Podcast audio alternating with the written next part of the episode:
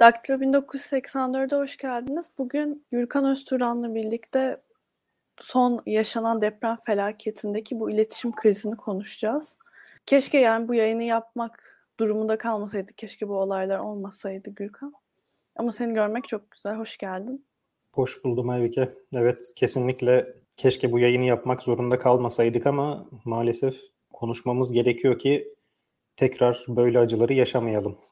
Evet yani iletişim krizini konuşmak çok önemli. Bu her felakette başımıza geliyor her depremde ve hani bu sürekli kendi tekrarlayan bir durum.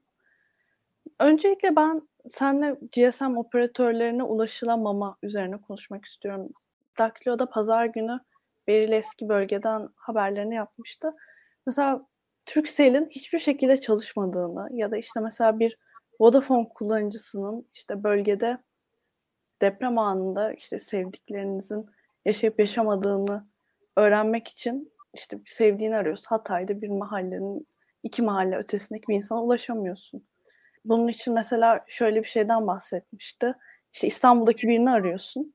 İşte duruma soruyorsun. İstanbul'daki kişi öteki kişini öteki kişi arıyor, üçüncü kişi arıyor haberini iletmek için. Yani böyle şeylerin de olduğunu duyuyoruz.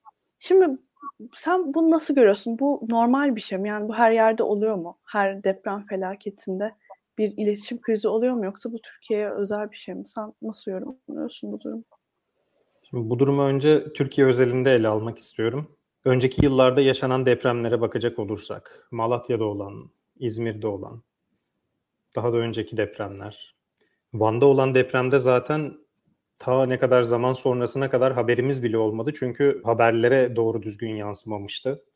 Olan, olan bitenin boyutunu çok sonrasında öğrenebildik biz. Hatta tam olarak o zaman genel izleyici bu bilgiye erişebildi mi ondan bile emin değiliz.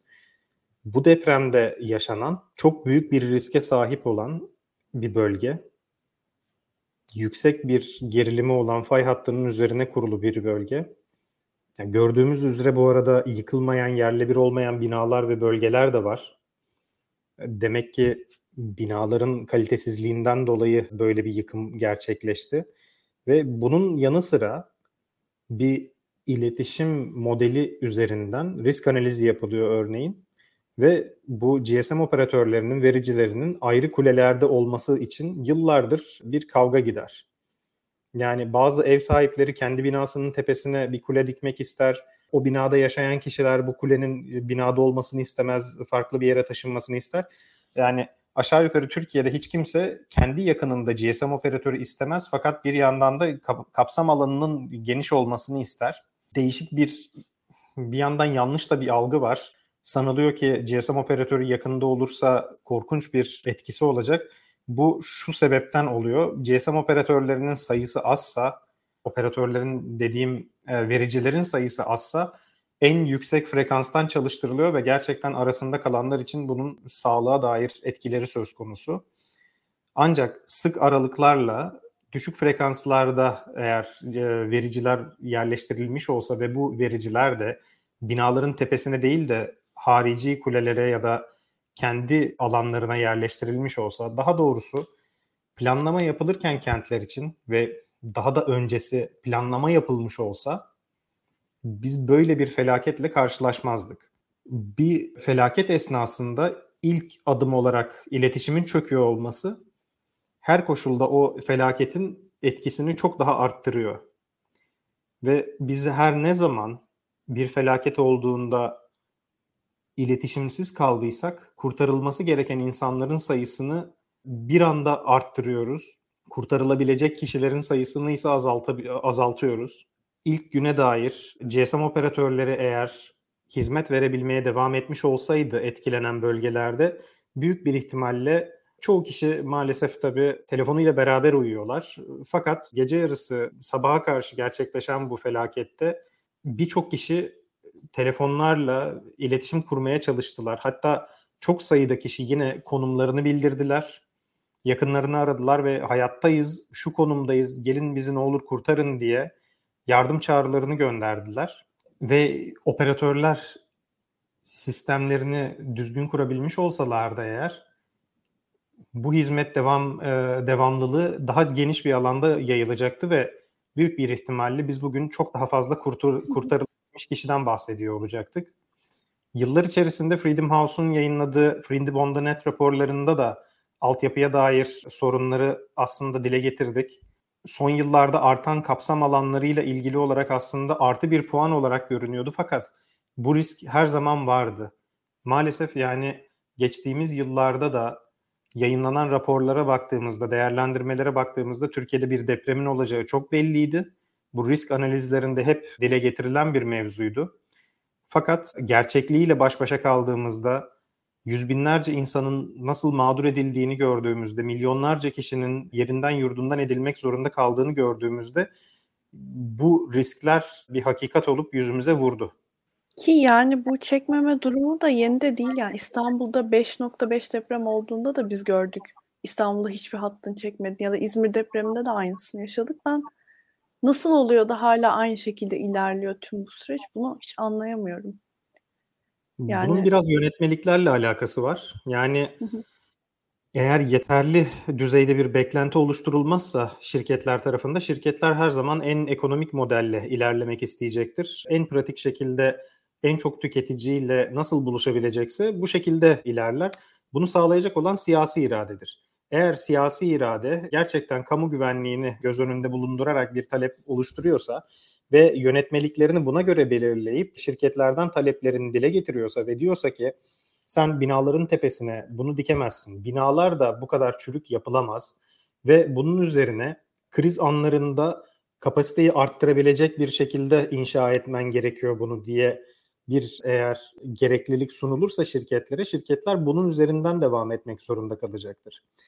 Şimdi Türkiye'de az önce bahsettiğimiz gibi GSM operatörleri geniş aralıklarla yüksek frekanslarda çalıştırdığı e, vericilerini aynı zamanda yerleşim alanlarında yerleşim için kullanılan binaların tepelerinde bulunduruyor çok zaman.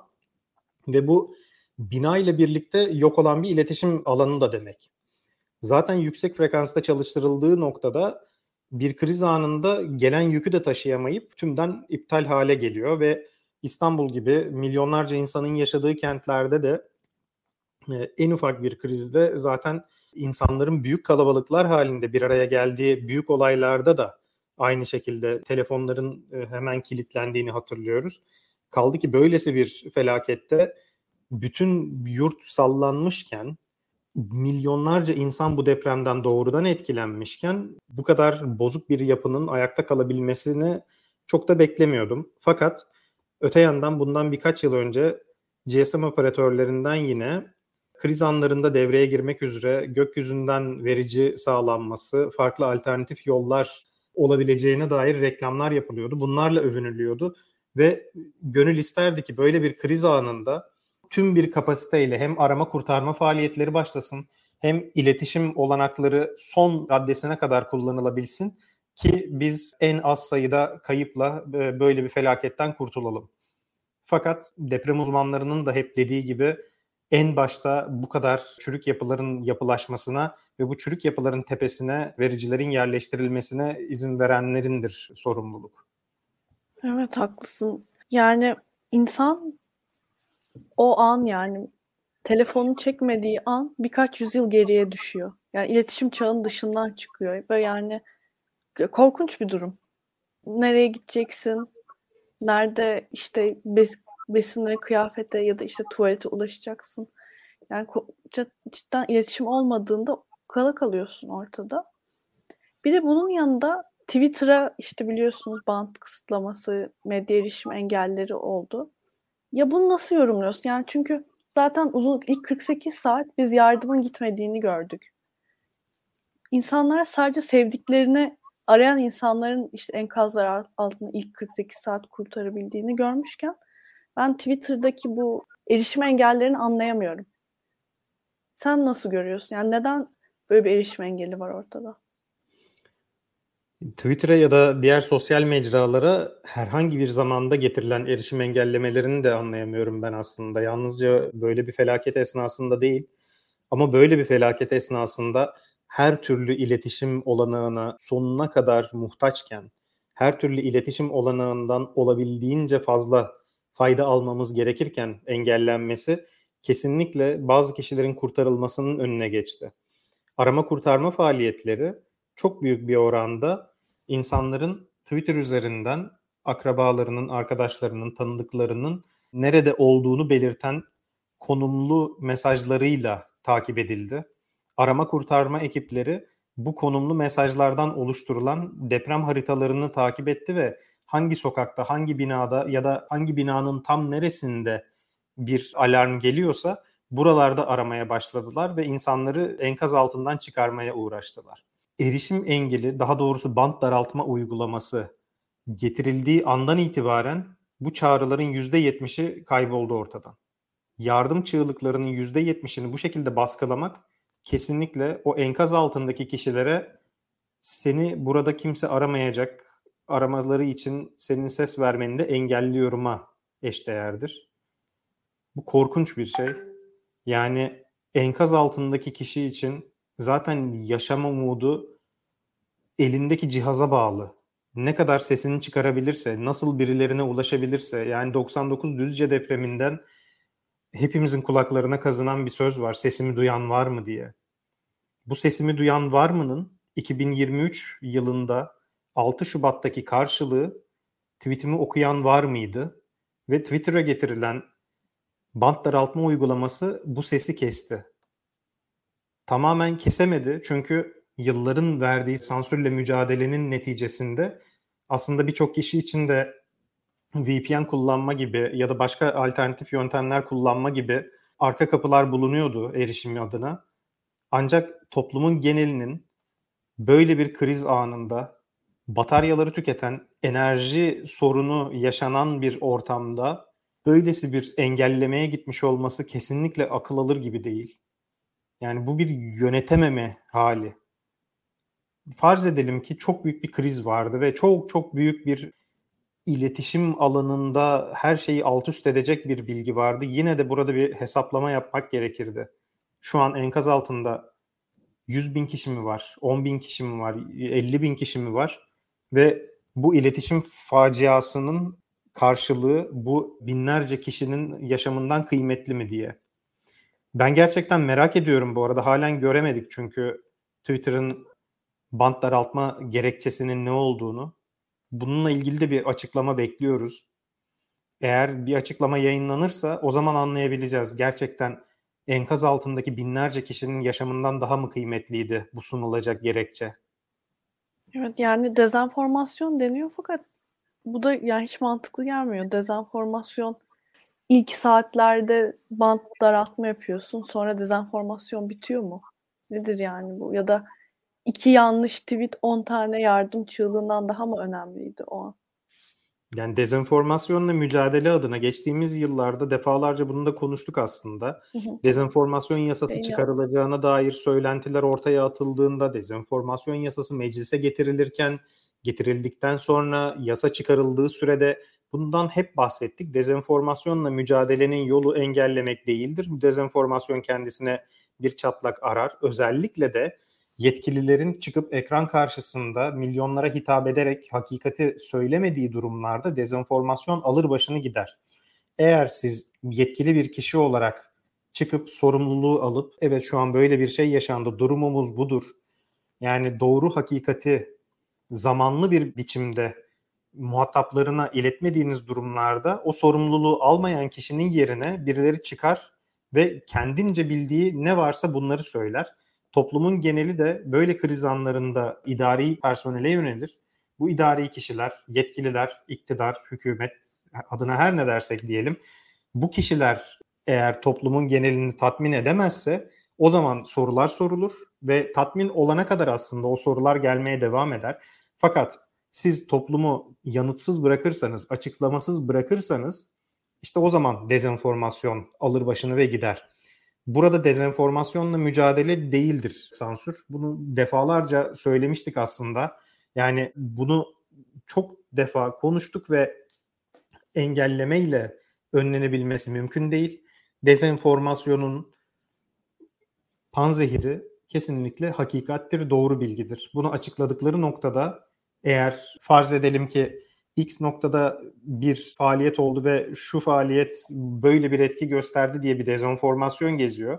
Bunun olmadığını açıklamadığı sürece yetkililer o yayılmaya devam edecektir. Bu Twitter'dan olmak zorunda da değil. Başka mecralara da gidebilirdi. Elden ele mesajlaşma uygulamalarından da yayılabilirdi.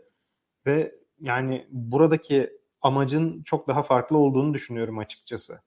Evet yani dezenformasyon genelde eleştiri almamak için bir platformu kapatmanın ya da işte ulaşımı zorlaştırmanın bahanesi aslında çoğu zamanda diye kullanılıyor maalesef ki. Bir de Twitter'da band daraltmanın yanında bir de tweet atan birçok kişinin gözaltına alındığını gördük. Bizim Daklo'da Özgün Emre Koç da bunun mağdurlarından biriydi.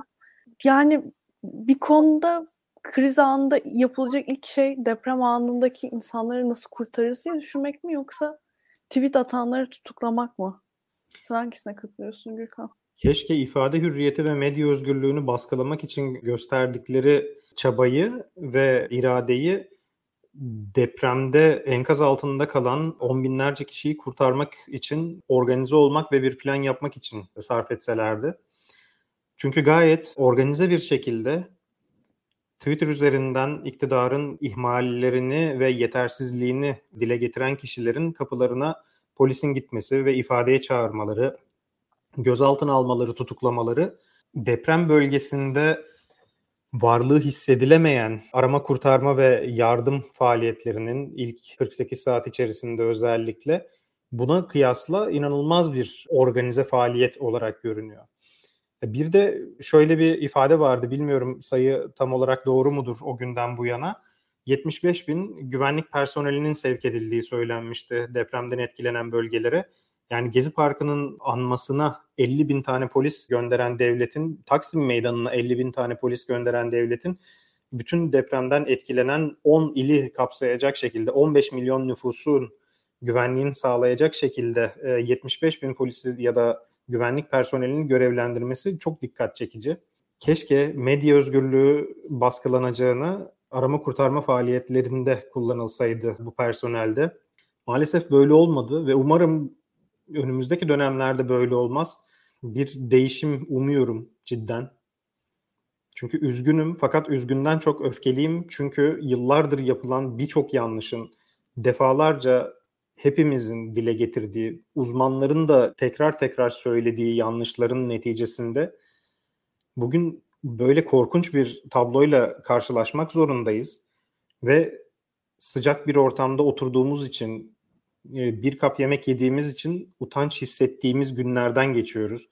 Milyonlarca insanın yaşadıklarını görüp, duyup sevdiklerimizi kaybettik ya hep her şeyden önce. Mesela şu an bize yayın sırasında destek olan Mert de birçok yani sevdiği insanları kaybetti. Hepimiz çok sevdiklerimizi kaybettik ve hani gerçekten hepimizin yani hepimizin psikolojisi bozuk. Yani İstanbul'da metrolarda yani her yer boş. Kimse evden dışarı çıkmıyor. Yani insanlar artık yani öyle bir evreye geldi ki Gürkan yani nasıl söyleyeyim gülümsemeye utanır hale geldik kahkaha atınca bir yüzün sarar bir duruma geldik. Yani gerçekten durum çok çok den vahim bir durumdayız ki bunun etkisini de daha çok uzun süre hissedeceğiz.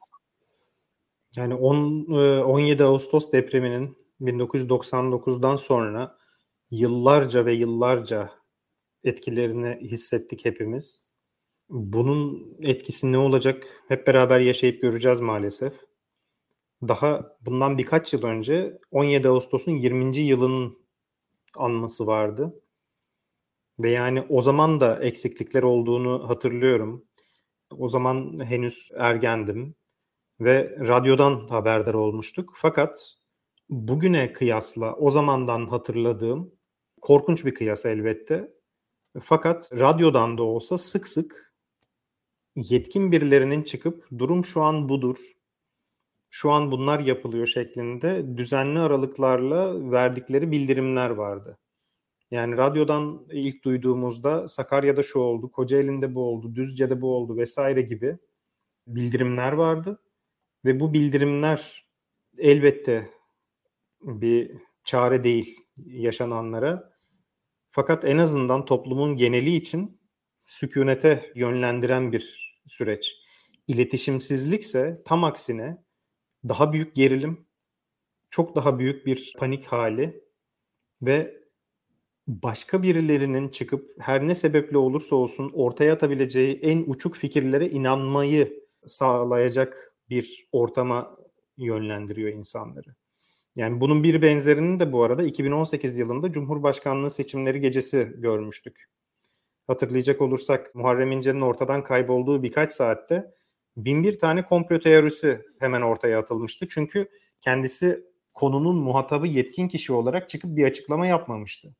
Benzer şekilde şu an gün gün, saat saat yetkililerin çıkıp açıklama yapmaması, hatta bugün son 24 saattir ölüm sayısı ve yaralı sayısının sürekli bir şekilde açıklanmaması bile bir gerginliğe neden oluyor toplumda.